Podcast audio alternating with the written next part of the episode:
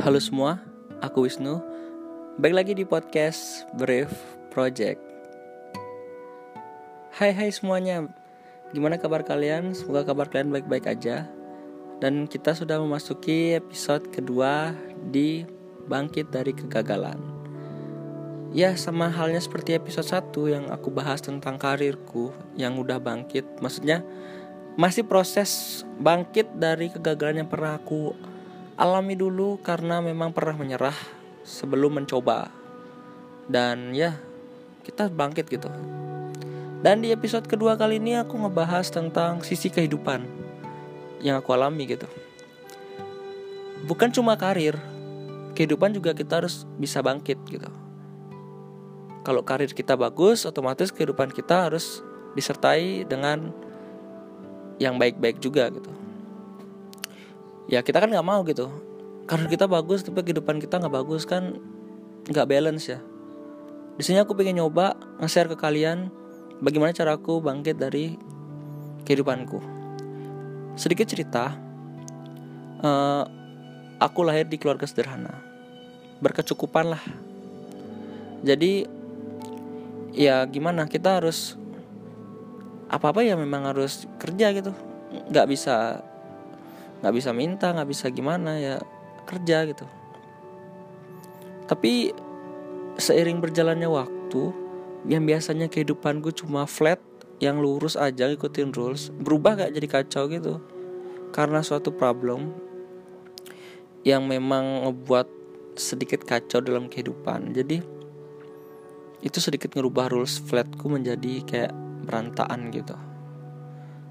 Di sana kayak aku ngerasa udah putus asa gitu udah putus asa banget. Jadi ya mungkin di sana aku ngerasa kegagalan yang harus aku bangkitin kembali biar kita bisa bangun ulang dari awal gitu.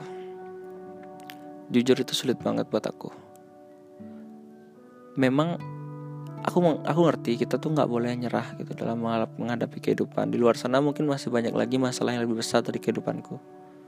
Tapi aku yakin kok setiap orang pasti memiliki masalahnya sendiri. Terlepas dari episode 1 ya tentang karir. Di kehidup di episode 2 ini tentang kehidupan ini benar-benar berbeda dengan episode 1. Jika di karir kita bisa mendengar caci maki dari senior kita, di kehidupan kita akan mencaci maki diri kita sendiri. Gimana kita harus berdamai dengan diri kita sendiri itu adalah salah satu hal yang paling berat. Mengeluh hal yang biasa, tapi nyerah jangan sampai ada. Jujur aku bilang gini, awalnya aku nyerah. Tapi aku lama-lama pas pas aku jalanin ya bisa gitu. Dan sekaligus ya episode 2 ini akan mengakhiri dari konten bangkit dari kegagalan.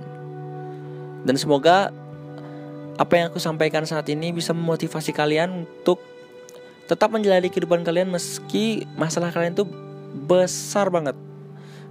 Aku ngomong gini bukan berarti aku ceramah yang bisa gimana ya.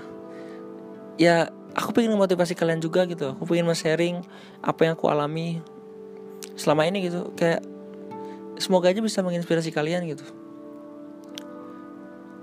Jadi kalian itu harus bisa menata ulang apa yang kalian anggap kegagalan dalam kehidupan kalian, masalah kehidupan kalian itu kalian harus berdamai dengan mereka.